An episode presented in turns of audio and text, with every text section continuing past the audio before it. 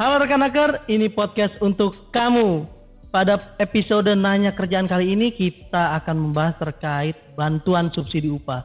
Kalau kamu yang masih penasaran, yang kamu masih bertanya-tanya, saya dapat apa enggak? Jangan lupa dengerin podcast ini sampai habis. Eh, pada podcast kali ini saya sudah eh, kedatangan tamu staf khusus Menteri Ketenagakerjaan Republik Indonesia, Bapak Reza Hafiz Akbar. Tepuk tangan lu dong. Pada podcast kali ini kita akan buka-bukaan Pak Reza, ya kan? Buka Kita- apa nih, Wah, Buka ini apa nih? biasanya kalau buka-bukaan nih agak Buka agak nih. agak agak seru ya. Udah malam ini soalnya. Nah, iya, ini kita podcast malam nih. Cocok kita buka-bukaan terkait bantuan subsidi upah. Tapi sebelumnya Pak Reza saya lihat seger, tambah seger ini di ini. Alhamdulillah. Alhamdulillah ya. Tambah berat badan Nambah berat. 5 kilo. Jadi eh gimana? Eh lancar Pak kerjaan ini pakainya tambah pusing gitu kan? Ya, Alhamdulillah ini ya. Maksudnya saya berterima kasih banyak mendapatkan kesempatan gitu ya. Yang di podcastnya Kemenaker gitu Hmm. ya. Di organisasi sama Humas gitu. Alhamdulillah akhirnya nggak terlalu sensi-sensi amat Humas sama saya gitu. Biasanya ada foto gitu, angle-nya udah pas tuh, udah pas sebenarnya gitu. Udah gaya ya, udah. udah gaya gitu. buat di foto ya. Eh yang yang naik kagak ada sayanya gitu. Waduh. Ini ada sensi apa? Bukan sensi gitu. itu Pak, Aduh. tapi memang pemilihan aja pemilihan Oh iya. orangnya yang mana Oh gitu. iya iya. Berarti gue gak masuk kriteria nih. Ah nggak cocok nih udah ada. Tapi cocoknya buat podcast kayaknya, Oh, iya, buat iya, iya. dijelasin gitu kan. Siap siap. Pak Reza, ini banyak banget orang eh, rekan hacker di mana-mana di medsos ngomong di eh, apa berita-berita yang berkembang Hmm. sekarang terkait program pemerintah kan meluncurkan bantuan subsidi upah atau gaji atau yang dikenal dengan BSU. Sebenarnya untuk kita runut dulu nih Pak Reza nih, biar enak nih kita ngobrolnya nih. BSU itu sebenarnya program apa sih? Ya eh, BSU bantuan subsidi gaji upah itu em, memang didesain ya, memang didesain untuk memitigasi em, dampak demi di sektor tenaga kerjaan gitu kan. Khususnya yang 2021 ini mungkin untuk memitigasi adanya eh, pemberlakuan pembatasan kegiatan masyarakat ya kan PPKM yang kemarin darurat sekarang pakai kriterianya WHO yang level level Hmm. gitu. Jadi emang sebenarnya BSU 2021 ini sih awalnya eh, tidak muncul di Hmm. program eh, pemulihan ekonomi nasional PEN itu karena kenapa karena memang kita lihat waktu itu em, kuartal 1 2021 itu pertumbuhan walaupun masih minus cuma minusnya makin membaik ya Ya, makin makin membaik. sedikit Ada gitu ya. Dan di kuartal 2 itu semakin membaik Ya. gitu. Karena aja kuartal 2 itu 7,07 persen. Ya. Nah, kalau menaik maka perekonomian itu udah mulai berjalan lagi gitu kan. Hmm. Maka sektor industri, sektor dunia usaha eh, apa namanya harusnya sudah mulai beroperasi kembali Ya. dan di situ ada eh, tenaga kerja kembali normal gitu Ya, kan. ya, Nah, ya. cuma kan eh, kemarin tuh eh, kita dihantam ya di bulan Agustus eh Agustus Bulan Juli ya. Ya, Juni Juli Ju- itu Juli Juli ya udah Juli mulai udah ya. mulai. Delta masuk Iya. gitu kan. Habis Iya. itu naik lagi kasus Ya, kita betul. gitu Sempat kan naik tinggi lagi. juga Bang ya, Oh, sampai puluhan ribu ya Bang. Betul. Nah, itu makanya pemerintah memutuskan nih perlu pembatasan lagi nih kalau Hmm, kayak gini. hmm, Kalau enggak hmm. nggak kelar-kelar nih kan Ya. urusannya. Karena perekonomian itu tergantung banget pada eh, apa namanya? eh, eh, pemulihan di sektor kesehatannya dulu Ya. kan gitu. Gimana kita bisa eh, apa namanya menangani pandeminya gitu. Makanya em, karena ada pembatasan itu maka operasional dunia industri dunia- dan dunia usaha pasti ter- kembali eh, terbatas lagi Ya. gitu karena harus dibatasi kan. Nah untuk itulah em, kita coba eh, apa namanya ibu menteri itu untuk mengusulkan kembali Hmm. kayaknya bisa nih. Hmm. gini. Ya, yuk bisa yuk nih, Ya, bisa ya, yuk ya, nih ya. gitu nih. eh, Itu BSU. ngobrolnya Bu Menteri gitu ya, Bang ya? Enggak, saya. Bu, yuk bisa nih Bu kayak ini Bu. nah, alhamdulillah eh, apa namanya? eh eh, Gayung bersambut kali Bang ya? bersambut Ya. gitu. Alhamdulillah setujui gitu oleh Pak Presiden sehingga pada awal Agustus itu setelah Presiden memutuskan oke gitu ya BS, BSU segera salurkan gitu. Nah, kita langsung buat tuh Ibu Menteri langsung buat Permenaker. Hmm. Permenaker 16 2021 itu sebagai payung hukum eh, BSU 2021. Sebenarnya persyaratan untuk mendapatkan BSU itu apa saja sih Bang? Karena kan kita tahu nih di media sosial banyak banget yang nanya nih, Min, Minaker, ini saya dapat apa enggak persyaratannya apa aja gitu. Mungkin abang bisa jelasin detail bang, Hmm. Ya. biar di rumah di yang nonton kita atau yang dengerin kita bisa jelas gitu Oke, bang. coba saya jelasin ya. Ya. Cuma eh, apa namanya? eh, mungkin ini sekaligus menjelaskan perbedaan dengan yang tahun lalu gitu Siap. kali ya. Karena kan tahun lalu juga ada ya bang ya. Oh, oh, oh. Oke. Jadi yang pertama tuh udah pasti eh, WNI Hmm. dibuktikan dengan NIK itu udah itu udah inilah ya, udah umum, Ya. itu udah umum. Nah, yang kedua terdaftar sebagai serta jam sos tenaga kerja Hmm. yang masih aktif di BPJS dibuktikan dengan nomor kepesertaan sampai dengan Juni 2021. BPJS ketenagakerjaan. Iya. Bukan kesehatan karena di di media sosial tuh banyak juga saya punya BPJS Iya. kesehatan bisa nggak dapat BSU ternyata harus di BPJS Ya, ketenagakerjaan. ketenagakerjaan, gitu. Oke. Karena source data kita kan memang dari situ. Ya. ya. Mungkin ada juga nih sekaligus ya, ada Hmm. yang nanya kenapa sih BPJS tenaga gitu Ya, ya? Karena ya. memang kita apa namanya data ya data yang bisa kita gunakan Hmm. yang dapat dipertanggungjawabkan gitulah ya, hmm. yang juga bisa cepat ki- bisa kita akses gitu. Ya. Itu data dari BPJS tenaga Hmm. gitu. Karena di situ kan udah ada data-data termasuk eh, upahnya gitu kan Ya. berapa gitu kan. Karena basisnya apa namanya basisnya memberikan jaminan sosial kan ada upahnya itu Ya. berapa persen dari upah kan harus kayak gitu kan. Ya. Nah itu itu karena data itu udah tersedia dan bisa kita ambil cepat maka kita gunakan itu Hmm. dan terutama bisa dipertanggungjawabkan. Ya.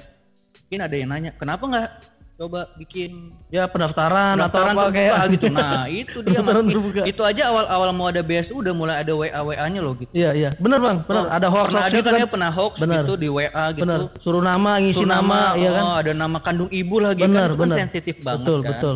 gaji itu segala Ya. macam itu itu menurut kami dengan dengan dengan kondisi yang sekarang dan Hmm. kita harus cepat memi- em, memproses ini gitu ya itu kayaknya agak rawan justru Hmm.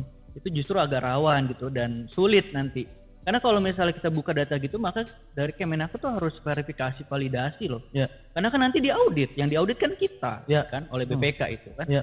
kalau di veri- verifikasi validasinya itu harus ini diyakinkan ini benar orangnya Ya. ini benar gajinya segini gitu kan wah itu nanti akan makan waktu lama lagi gitu Ya, jadi ya. Memang ini mungkin data terbaik yang kita punya Hmm. ya kita ambil dari BPJS Dari BPJS gitu. ketenagakerjaan ya. Itu. Oke. Kemudian ada ada syarat lain bang? oke yang ketiga ya Hmm. punya gaji upah paling banyak sebesar tiga setengah juta Tiga setengah juta. Kema- tahun lalu kan tahun lalu 5 juta 5 juta ya, Bang, ya? Eh, tahun lalu 5 juta Ah. jadi apa pertimbangannya bang tuh bang? Nah, ini pertimbangannya salah satunya adalah hasil survei apa namanya? hasil survei eh TNP2K atas eh, atas apa namanya? BSU. Hmm. Nah, itu di, di- disebutkan di hasil survei itu bahwa rata-rata penghasilan gitu ya, gaji plus tunjangannya gaji plus tunjangannya penerima BSU tahun lalu itu tiga setengah juta Oh. gitu. Jadi kita pakai basis itu. Ya. Jadi kita pakai basis itu. Kalau misal cuma dihitung gaji doang ternyata uh, tahun lalu itu 2,9 juta malah lebih kecil. Nah, kita pakai batas atasnya deh. Hmm. Gaji dan uh, gaji dan tunjangan atau penghasilan itu tiga setengah juta agar populasi yang bisa dapat lebih banyak. Ya. Kayak gitu kan. Hmm. Nah, eh akhirnya kita pakai itu, pakai Ya. baseline itu eh, karena based on survei juga kan Ya. gitu. Nah, gimana kalau yang Gimana kalau yang ini bang? Apa namanya? UMP-nya misalnya ya, Ya. di atas tiga setengah kan banyak Betul, tuh. banyak Kan- banget, Bang. kan ada, Ah. terutama dari dari industri yang besar kayak Ya, Karawang gitu gitu. betul, Nah, betul. itu kita pakai batasan UMP-nya. Oke UMP atau UMK itu Ah, ya? UMP atau eh UM, UMP atau UMK kalau Ya. di DKI kan nggak ada UMK ya. Iya betul. Kita pakai UMP, UMP, gitu. ya. Nah, misal contoh nih kayak Kerawang itu kan UMK-nya ya Ya. 4 juta 758 sekian. Ya. Nah, itu dibulatkan ke atas jadi 4,8 juta. Hmm. Itu itu masih bisa masuk sebagai penerima BSU. Masuk sebagai penerima BSU. Hmm. Oke. Dan itu ada di lampiran Permenaker 16 2021-nya. Oke. Rekan-naker bisa coba cek kalau Cek di sana ya. Oh, Daerah Iseng- saya iseng- masuk apa enggak ya betul, gitu ya. iseng-iseng cek lah. Ya. Maksud aku cari juga tahu regulasinya gitu, jangan cuma ngelihatnya dari medsos doang Iya, atau iya. termakan hoax-hoax gitu. Iya iya iya iya. Ya kan? Baca baca komenan aja capek apalagi cuma baca gitu doang. Itu baca komenan kan bisa sampai berjam-jam gitu. Itu ya, itu Iya, yang ketiga. Yang ketiga. gitu kan? Yang keempat bang. Yang keempat, nah ini juga beda nih. Hmm. Tahun lalu nasional, Ya. seluruhnya. Seluruh Indonesia ya. Betul. Iya. Nah, sekarang itu di wilayah PPKM level 3 dan 4 yang Iya. ditetapkan oleh pemerintah. Hmm. which is uh, itu uh, kita ngambil cut off-nya itu kemarin karena pas lagi kita buat ini itu yang jadi uh, yang jadi Dasar hukum. rujukannya uh, Ya. adalah Inmendagri dua dua dua tiga ya kalau nggak Ya, salah ya ya. Inmendagri dua dua dua tiga Ya. pokoknya yang ppkm level 4 dan 3 pertama kali lah itu Ya, yang ya. pertama kali ditetapkan Hmm. dan memang mayoritas di Jawa Bali kan Ya. Jawa Bali dan beberapa mungkin sebagian di luar Jawa Bali Hmm. makanya kita tetapkan di situ gitu. Kenapa? Karena ya kita melihat dampak ppkm-nya itu sih sebenarnya gitu. Nah, terus yang kelima itu diutamakan di yang bekerja di sektor industri barang konsumsi, transportasi, industri, properti, real estate, perdagangan dan da- perdagangan dan jasa. Ya. Kecuali pendidikan dan kesehatan. Hmm. Nah, Hmm. nah itu, terkait itu bang, pendidikan dan kesehatan itu banyak juga yang bertanya kan, kenapa saya di sektor pendidikan, saya di sektor kesehatan, Iya. saya nggak dapat bantuan subsidi upah. Iya, Pemerintah pilih kasih nih sektor-sektornya, ah, gimana tuh? Iya Bang? sebenarnya kan untuk sektor pendidikan tuh udah ada insentifnya sendiri ya, Ya. itu kan kayak ada ada bantuan pulsa dan Hmm. dan memang relatif sektor pendidikan itu masih berjalan gitu loh, karena kan ada pembelajaran jarak jauh gitu-gitu kan Ya. ya, dan itu udah ya selain disediakan insentifnya bahwa pendidikan tuh sektornya masih jalan dan pertumbuh dan growth-nya tuh ma- masih masih naik gitu, Hmm. pertumbuhannya masih ada pendidikannya dan kesehatan juga gitu, kesehatan kan juga ada insentif nakesnya sendiri juga kan, betul. kesehatan gitu Hmm. dan relatif juga eh, sektor kesehatan itu pertumbuhannya em, positif masih Iya. positif gitu dan mereka bisa dilakukan secara jarak jauh telemedicine gitu. Hmm. nah contoh kalau yang di industri kan nggak Agak bisa gitu ya, kayak susah dia. gimana mau Ya memang dia dibatasi itu kan ya. Dibatasi, kayak lu mau- kayak mau ngelas gitu Hmm. kan nggak mungkin ngelas pakai zoom gitu kan ngelasnya di rumah tiba-tiba barangnya di zoom jadi kan nggak mungkin ya kan jadi Iya, magic iya, iya, kan iya. kalau kayak gitu kan Iya, aneh nah iya. gitu sih Hmm. nah memang ya eh, apa namanya juga kita melihat dari ketersediaan dana yang ada ya itu tadi karena memang awal ini memang nggak Memang awalnya nggak memang. ada makanya Hmm. ini kita memanfaatkan dana yang ada gitu memanfaatkan dana yang ada sebisa mungkin kita desain agar tetap bisa membantu teman-teman pekerja atau buruh dengan dana yang ada kalau misal dananya unlimited gitu wah Iya. semuanya nggak usah nggak usah ribet-ribet nggak usah ada dibatas-batasin gini juga gitu Iya. kan Eh. sebenarnya ya mungkin kalau apa namanya sektor mungkin tetap yang terdampak lah ya, Ya, cuma ya. kalau eh, wilayah mungkin kita bisa bi- bisa buka secara nasional itu kalau memang ada dananya, Ya. persediaan anggarannya karena ini kan bagi-bagi dan Hmm. terutama di tahun 2021 ini kan memang lebih fokus kepada kesehatan ya, Hmm. vaksin terutama Ya, ya. penyediaan vaksin itu. Ini rekan akar kita nih eh, lakukan podcast ini sudah melalui tadi Bang Reza bilang bahwa vaksin kita juga sudah Oh melakukan iya kita udah vaksin. loh. vaksin tahap 2 ya, Tahap dua. udah tahap 2 kemudian kita ada swab sebelum eh, podcast ini berlangsung. sampai sampai hidung dok-dok mulu gitu kan. Oke, Bang, eh, bicara BSU nggak terlepas dari Kemnaker sebagai penyalur. Jadi Hmm. banyak nih yang di- Kemnaker lambat nyalurinnya. Mhm. Kemnaker banyak lah di eh, media sosial gitu, Bang. Komen-komentar negatif kayak gitu. Komentar ke- sebenarnya proses penyalurannya itu seperti apa? Mungkin Abang bisa jelaskan dari awal dulu sampai akhirnya itu seperti apa, Bang? Iya. Em, eh sebelum ke penyalur ada yang aku, aku lupa tadi Ah, ya.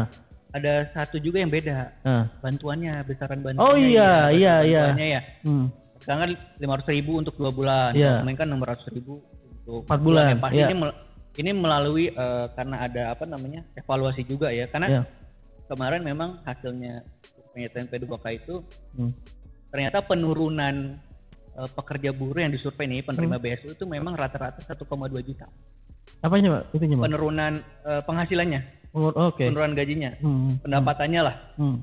1,2 juta. Makanya kita buat yang tahun ini ya balik lagi ya kita kan menyesuaikan dengan anggaran yang ada gitu Ya. Makanya kita desain ya satu juta itu udah bisa udah cukup lah gitu maksudnya Mhm. untuk bisa menjadi buffer lah ya jadi bantalan gitu buat Ya. teman-teman pekerja buruh bisa survive gitu lah ya pandemi gitu nah terus ini itu pertanyaan bang Ferdi tadi juga menyangkut yang perbedaan yang ketiga Ya.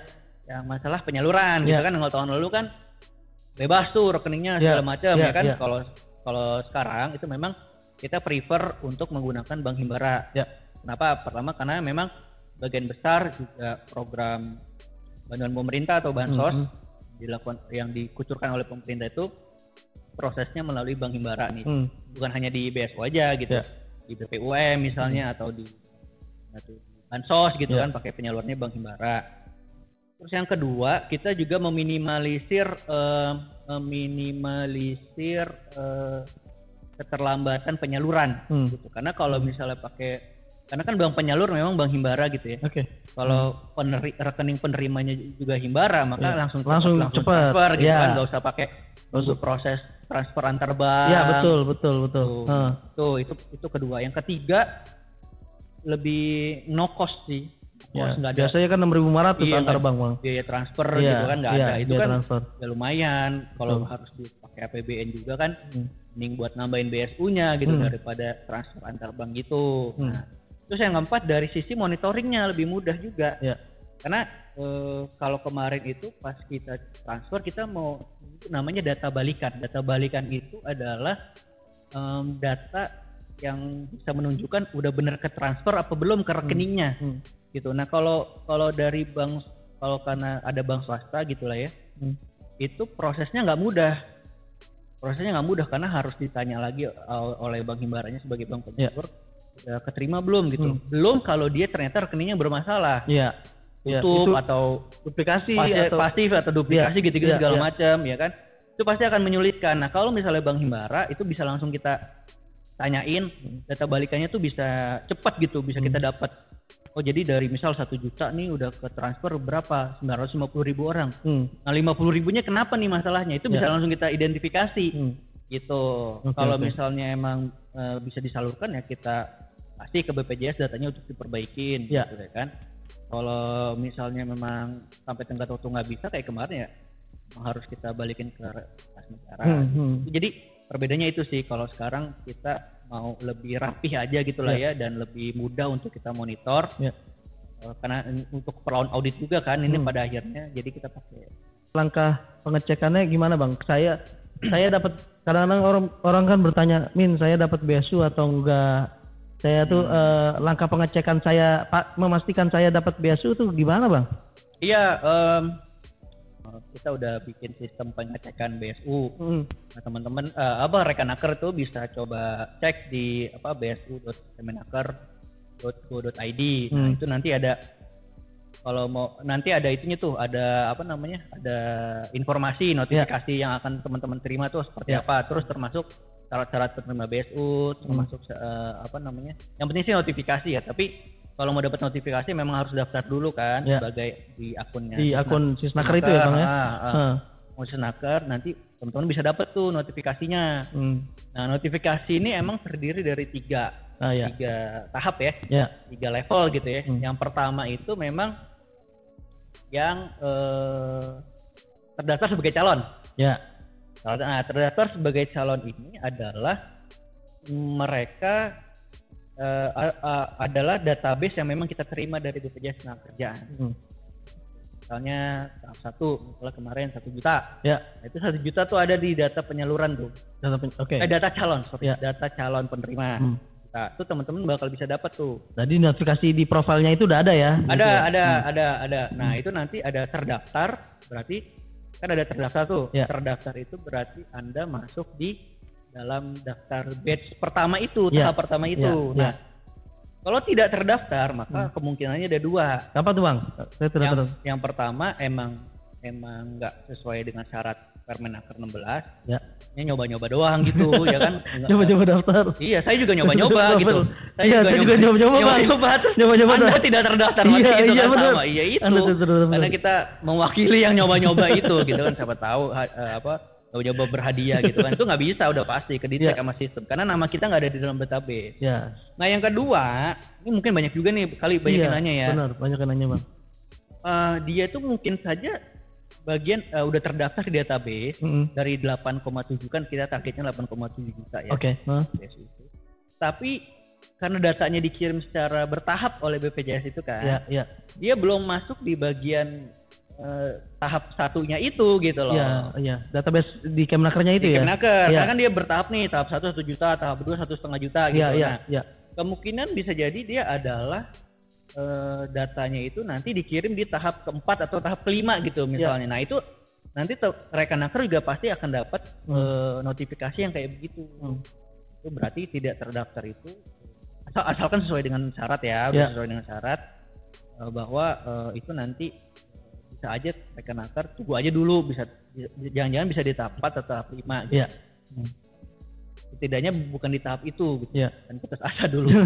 Tunggu sabar dulu Iya, ya. sabar dulu. Karena mohon bersabar gitu ya. Iya. Ujian. Nah, kalau belum itu biasanya udah langsung komen aja tuh biasanya Iya. kan. Lu mana nih? Saya tidak terdaftar. ya, ya sabar dulu, sabar dulu tidak. tenang. Yang kedua, tahap dua bang. Kan tadi tahap ya, satu. ya, tahap satu. Yang keduanya itu level Oh. duanya adalah eh, setelah dikirim tuh tadi datanya satu juta itu Hmm. kita lakukan eh, cek data.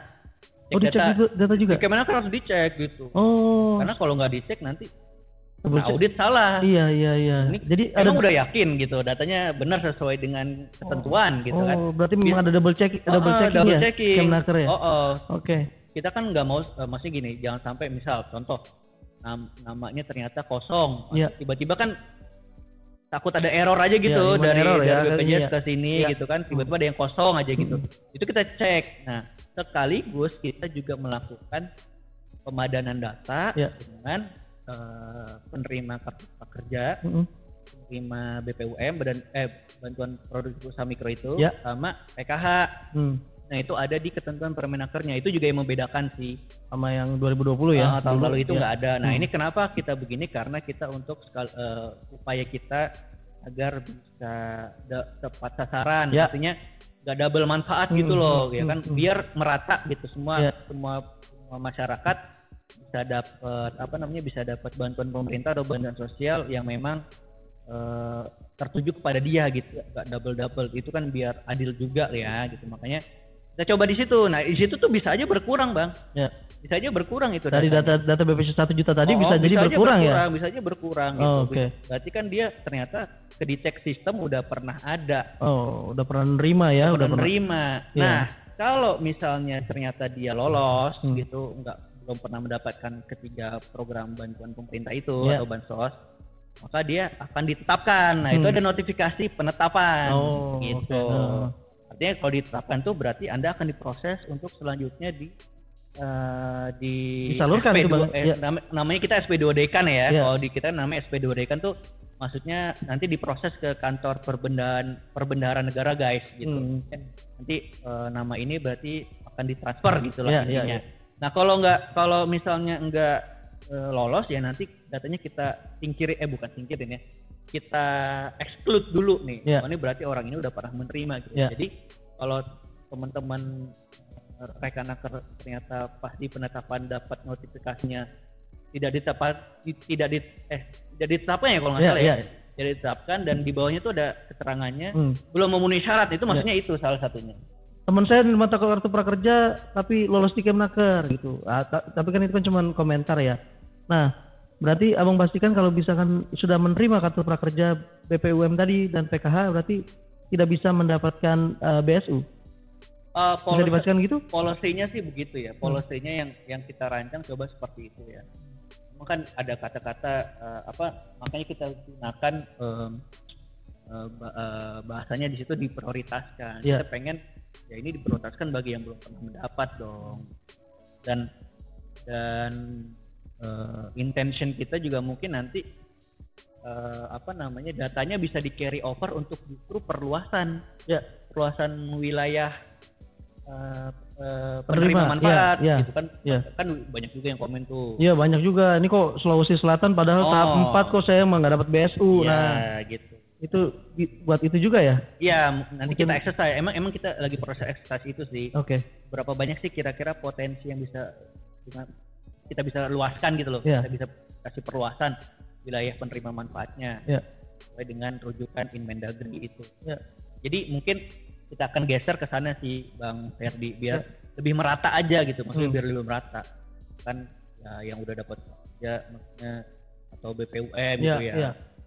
Enggak ngerasa lah gitu maksudnya gitu ya kan udah dapat bantuan Bagi-bagi lah ya. bagi temennya Iya, yang iya. lain gitu Iya, kan iya. kasihan juga dari tadi udah diproses SP2D-nya nanti duitnya ditransfer ke bank Ya. penyalur bank Ah. penyalur tinggal transfer ke rekening penerima Rekening penerima. gitu. nah Oke. itu nanti bisa dapat notifikasi selamat gitu kan Hmm. selamat uh, dana BSU Anda sudah tersalurkan Hmm. bahasanya gitu Hmm. itu itu kita bisa dapat notifikasi itu ketika bank sudah ngirim data balik kan ke kita oh ini udah Oh, misalnya si oh si oh. Reza Hmm. udah udah ke transfer nih gitu wajib dikasih Ke- tahu ke- kita ke dari bank. Kemenaker? Hmm. Dari bank ke Kemenaker ngasih Iya, tahu oh, ya. oh. jadi kita bisa bikin notifikasi itu Oh, oke. nah yang oke. tahun lalu itu nggak bisa Oh.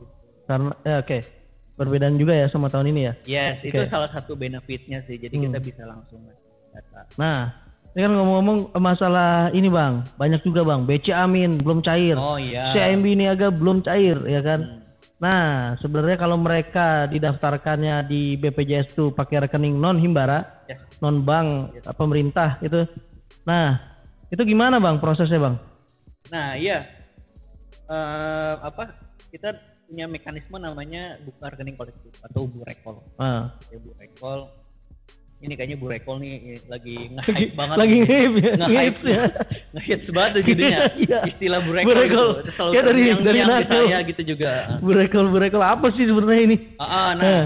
ini memang eh, kita eh, buatkan nanti eh, burek, eh, rekening kolektif Hmm. buat teman-teman pekerja atau buruh yang memang nggak punya rekening di bank himbara. Oke. Jadi nanti Jadi siapa Bang tadi Bang? Berarti yang bikin bikin yang buatkan rekening itu Kemenaker apa? Kemenaker sama ini eh, Kemenaker eh, bekerja sama dengan eh, Bank Himbara, Oh, oke. Bank Himbara dan juga BPJS sih, Iya. itu BPJS Hmm.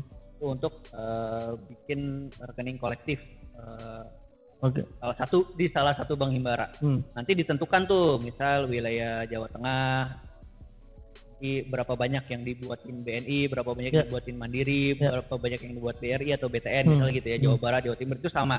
Nah pembagian itu memang semuanya udah tahu, Hmm. nggak di Nggak ujuk-ujuk berapa Iya nih Wan, di sekarang ntar Kemenaker bisnis sama himbara. Iya, Enggak, karena iya. itu semuanya tahu lah gitu. Hmm. Karena itu nanti kan eh, jadi bahan audit juga dan Iya. memang harus tertuang di MOU-nya gitu. Hmm, Itu hmm. udah pada tahu sih semuanya. Jadi nanti eh, maksudnya kalau gitu misalnya nanti ada rekenaker yang nanya kalau gitu saya harus bikin bikin bank rekening, rekening bank apa baru nih gitu. Iya, Oh, rekening baru nggak- atau apa? nggak usah khawatir sih nanti Iya. itu udah di plotting lah. Hmm. Di plotting nanti eh, apa namanya? Kalau ada yang di burekol gitu ya, nanti kita kirim lagi tuh datanya ke BPJS biar Hmm. BPJS bilang ke perusahaannya nanti mau dibuatin rekening ini gitu. Oh, jadi mereka nanti oke. kasih Hmm. tahu. Hmm. Oh jadi jadi buat menerima BSU bakal dibuatin rekening BRI misalnya gitu lah ya. Ya. Ya, mereka akan dibuatin. Hmm. Terus ini bang, eh, kan rekan-rekan juga penasaran kan. Sekarang kita nih, ini kan tanggal 8 bang, 8 Ya, ya, September ya, ya. nih. Ya. Nah, abang punya data terbaru nggak nih? Nah, Sudah berapa yang cair sudah berapa banyak bang? iya. 8 September ya, nih baru datanya dikirim nih, fresh from the open nih. Nih. Lepas lagi bentar ya. Jadi gini, ini biar nggak salah gitu maksudnya Iya, bang. iya. Rekenaker ya, sorry ya gitu, ini biar nggak salah. Jadi eh, per tanggal 8 ya, tanggal Hmm. 8 ya sekarang ya. Per tanggal 8 itu jumlah BSU yang sudah tersalur ke penerima sebanyak 3 juta 456 ribu orang. 3,4 juta orang. Oke. Berapa persen tuh bang berarti? Ada nggak? 3,4 sekitar 30 Ya, 30 persen lah ya. 30 per 30 persen kali Ya, lah ya, ya. 30 persen dari total 8. Tujuh- Ya, Oke. Oh, itu 3,4 juta orang. Ya. Rinciannya nih, kalau aku mau kasih rincian ya, di tahap satu itu ya, tahap Hmm. satu itu udah 940 ribu orang ditransfer. Terus yang di tahap dua itu udah 1 juta 145 Hmm. juta orang. Terus yang di tahap 3 itu ada 1 juta 164 ribu 339 orang. Hmm. Nah ini yang tahap 4 ternyata udah ada progres nih, udah ada pencairan. Ya. Tadinya kita mikir tahap 4 itu eh, apa namanya? Tahap 4 itu cuma eh tahap 4 itu burekol semua juga. Eh Ya. ternyata ada susulan. Oh, ada rekening existing yang, ayo sorry, rekening himbara berarti ya? Iya, ternyata masih ada rekening himbara itu 200 209 ribu Hmm, hmm, orang hmm, dan itu sudah di- disalurkan. hmm. Nah, yang burekol masih nunggu. Oh, yang burekol masih yang nunggu. masih nunggu karena kan Oke. harus ada proses kurang lebih seminggu lah itu biasanya. Ya, pembukaan rekening itu bang ya? Yes, yes, Oke. yes. Jadi jadi tadi totalnya ya per 8 September itu udah 3,4 juta Oke. orang yang disalurkan. Eh, banyak juga perta- pertanyaan publik itu bang. Eh, sebenarnya pekerja, saya udah di PHK min. Bulan misalkan let's say bulan Agustus lah ya. Nah, eh, saya dari PHK apakah saya tetap dapat BSU? Masih, yang penting eh, yang penting dia itu merupakan peserta BPJS gitulah ya. Terus em, terda masih aktif rekeningnya eh sorry masih aktif kepesertaannya sampai Juni 2021 sesuai dengan ketentuan itu. Ya. Kita nggak ngebedain PHK atau enggak gitu ya. Apalagi yang ter PHK sangat membutuhkan sekali. Ya. Itu kan nah, asalkan sesuai dengan persyaratan itu tadi sih. Nah, Dan apalagi juga PHK kan juga ada kekhususan ya di Hmm. kartu prakerja, maka yang ter PHK itu juga bisa mengakses oke. Di Kemenaker ada screening, kemudian di Ya. Eh, bank juga mungkin ada duplikasi atau Ya. ada rekeningnya nggak aktif gitu. Solusinya Hmm. mereka yang harus mereka lakukan apa, Bang? Nah ini kalau kalau di luar dari yang itu ya, di luar, Di dari, luar yang dari yang pemadanan, tadi. Mm-mm, di Ya. luar dari yang pemadanan data itu memang ternyata itu ada yang eh, masih nggak lolos Hmm. eh, veri verifikasi eh, ve- verivali ya, Ya. Verika- verifikasi validasi lah namanya. Eh, itu se- ada sekitar lumayan banyak juga, ada sekitar 200 230-an ribu. 230-an ribu itu kenapa? Karena ternyata pas coba dicek lagi datanya sama bank, ternyata contoh namanya itu nggak sama sa- dengan nama yang terdaftar di Oh. BPJS. Contoh Hmm. gitu, misal Muhammad Reza gitu Iya. kan di BPJS, ternyata di di rekeningnya dia namanya M, M. Reza iya, gitu. iya. Nah, Hmm. itu tuh nanti dibalikin lagi oleh pihak bank ke Kemenaker Ya. untuk dibenerin oleh BPJS lagi. Oh. Nah nanti dia treatmentnya itu dibukakan rekening kolektif. Oh gitu. Akhir, akhirnya nanti dia solusi lagi. solusi iya, solusinya solusinya solusi- gitu.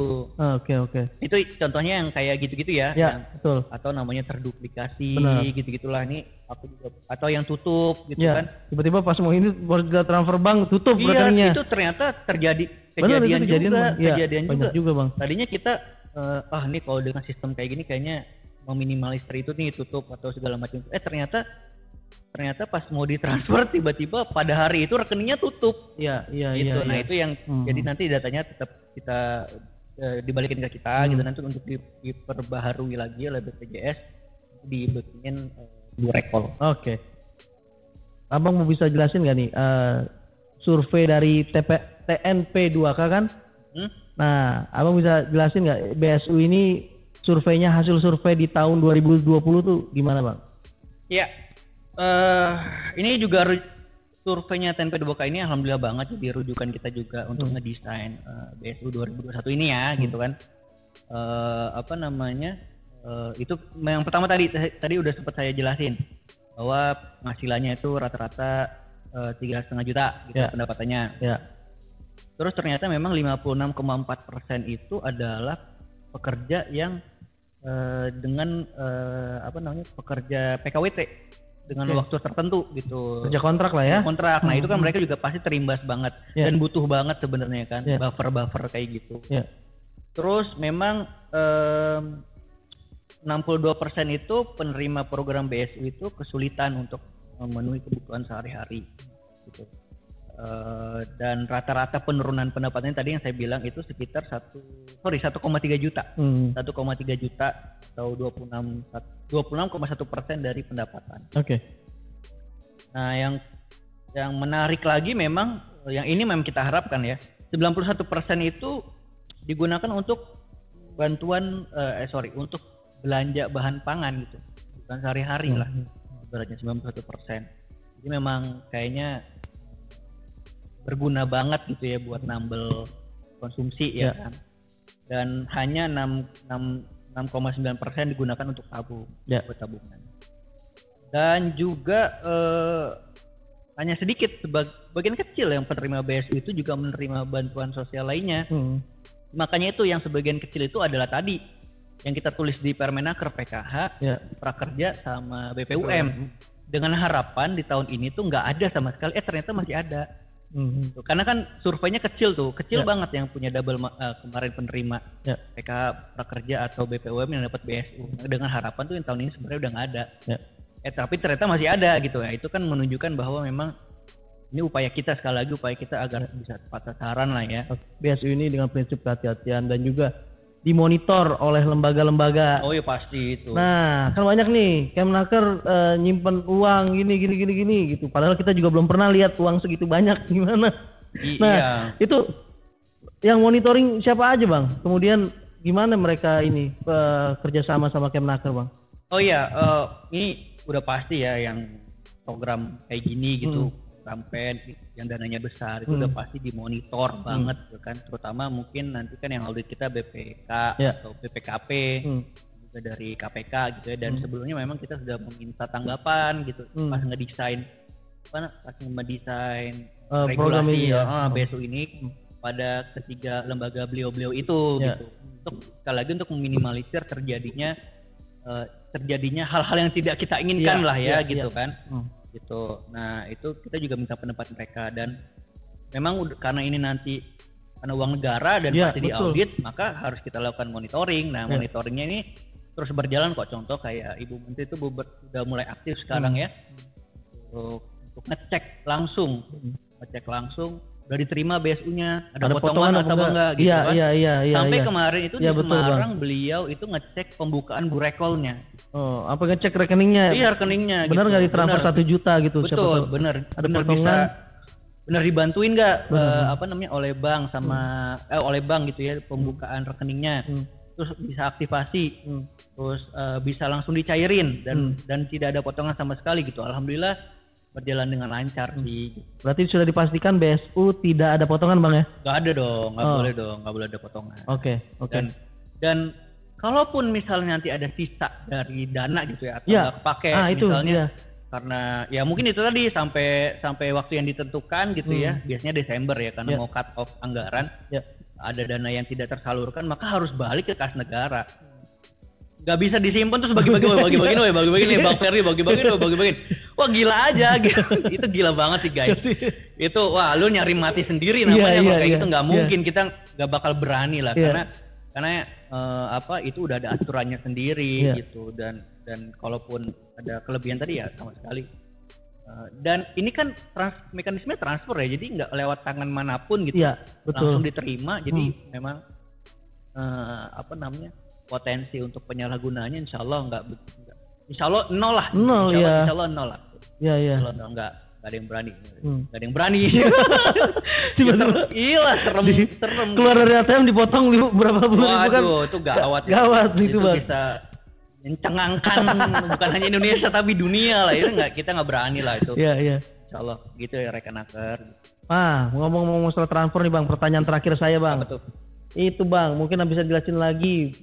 Ini mungkin dijelasin harus dua kali Bang. Apa tuh? BCA kapan cair, CMB kapan cair, ini. Nah, mungkin rekan aker karena banyak yang nanya seperti itu Bang, mungkin bisa dijelaskan kembali Bang. Ini sebenarnya mekanismenya, sebenarnya tadi Abang udah jelasin, tapi mungkin ah, di- harus ditegaskan lagi nih Bang. Iya. Gimana caranya?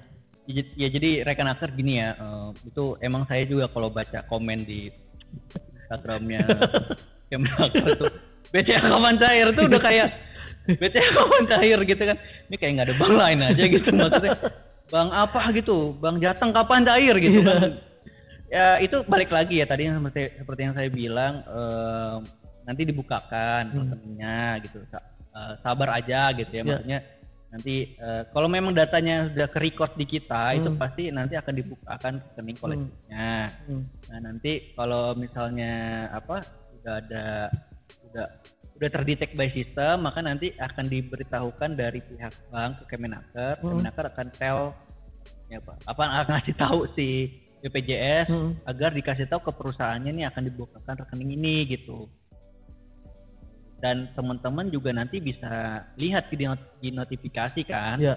notifikasi bahwa apa namanya saya dananya udah cair nih Hmm. cair eh, di bank ini di, dibukakan di Bang bang mana bank gitu. mana ya? gitu ya misalnya Sampai rekening-rekeningnya Bang, nomornya apa apa banknya enggak, aja? enggak karena kalau itu nanti agak Sensitif ya lah ya? sensitif gitu Iya. di bank ini di Mm-mm. misalnya di bank BNI Ya. nanti ada tambahan tuh Hmm. kalau yang di ribu rekol segera lakukan aktivasi rekening Oh. karena kalau cuma udah dibukain rekening doang Ah. nggak diaktifasi karena diaktifasi itu biasanya ditanyain kan Hmm. ada proses namanya KYC kan KYC-nya Ah, itu ah, ah. ditanyain tuh salah satunya nik itu untuk verifikasi Oh. Ya ya ya. jadi apa ya namanya jadi filter bukan filter ya. Jadi prosesnya sampai sebegitunya biar Hmm. kita biar untuk memastikan Dan- agar ini tidak ada penyalahgunaan Iya, gitu loh. orang yang orang yang tepat ya Iya, bang ya. orang yang, tepat yang emang datang. dia udah dapat. Oke. Dan itu memang ada beberapa juga yang bank yang pakai SMS blast gitu udah kasih tahu. Oh, oke.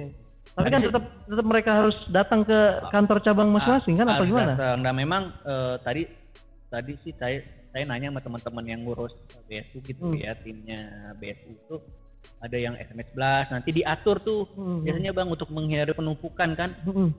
ke bank jam segini Betul betul misalnya biasa di gitu ya. shifting, Iya iya. shifting gitu betul, iya. ada juga yang jemput bola ke perusahaannya Oh, oke. dibikin eh, pakai mobile unit bank gitu Iya, iya, iya. yang, yang Hmm. pakai mobil gitu Iya. ya Eh, kayak di Semarang tuh kemarin kayak gitu Iya. nanti dibagi shift juga tuh berapa ratus orang berapa jam segini sampai jam segini Iya. untuk menghindari penumpukan sih kayak Hmm. gitu ada juga nanti katanya yang pakai kurir Oh. eh, eh, buku tabungannya Iya iya iya. tapi tetap aktivasinya harus ke bank Harus ke Nah, bank, nanti iya. ke banknya itu biasanya di diatur tuh jadwalnya jangan Hmm. sampai terjadi penumpukan Oke.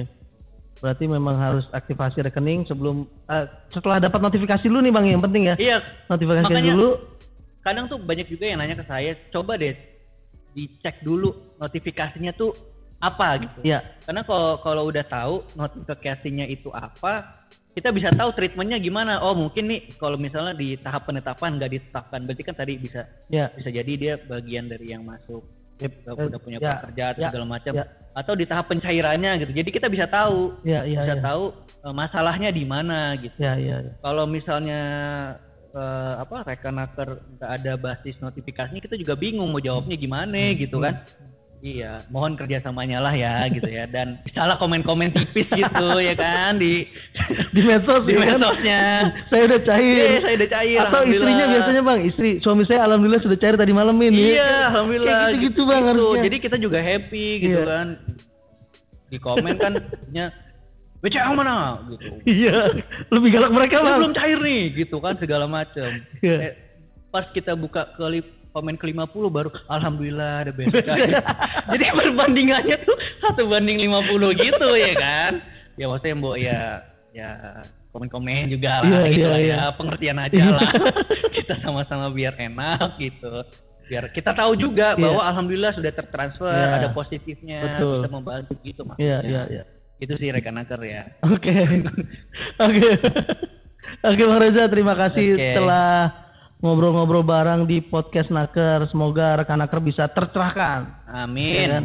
Bisa tahu apa yang mereka harus lakukan setelah Ya. dapat notifikasi atau dapat reken apa pemberitahuan lain-lain gitu. Ya, Tapi ya. jangan jangan jangan percaya hoax ya Bang ya. oh iya Semua ada di bsu.kemnaker.go.id. Kalau ada hoax, coba lapor aja ya. Iya, kan iya. kita ada itunya tuh, ada call centernya. Betul, betul. Sama di medsos Iya. gitu. Kalau ada hoax ini di screenshot aja gitu. Jadi biar kita bisa telusuri Ya. hoaxnya. Nah, Oke. Oke, terima kasih Bang Reza.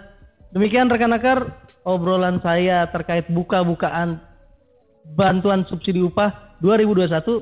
Sampai jumpa di podcast Nakar berikutnya. Saya Ferdi Berencia dan Bang Reza Hafiz Akbar undur diri. Salam kompeten.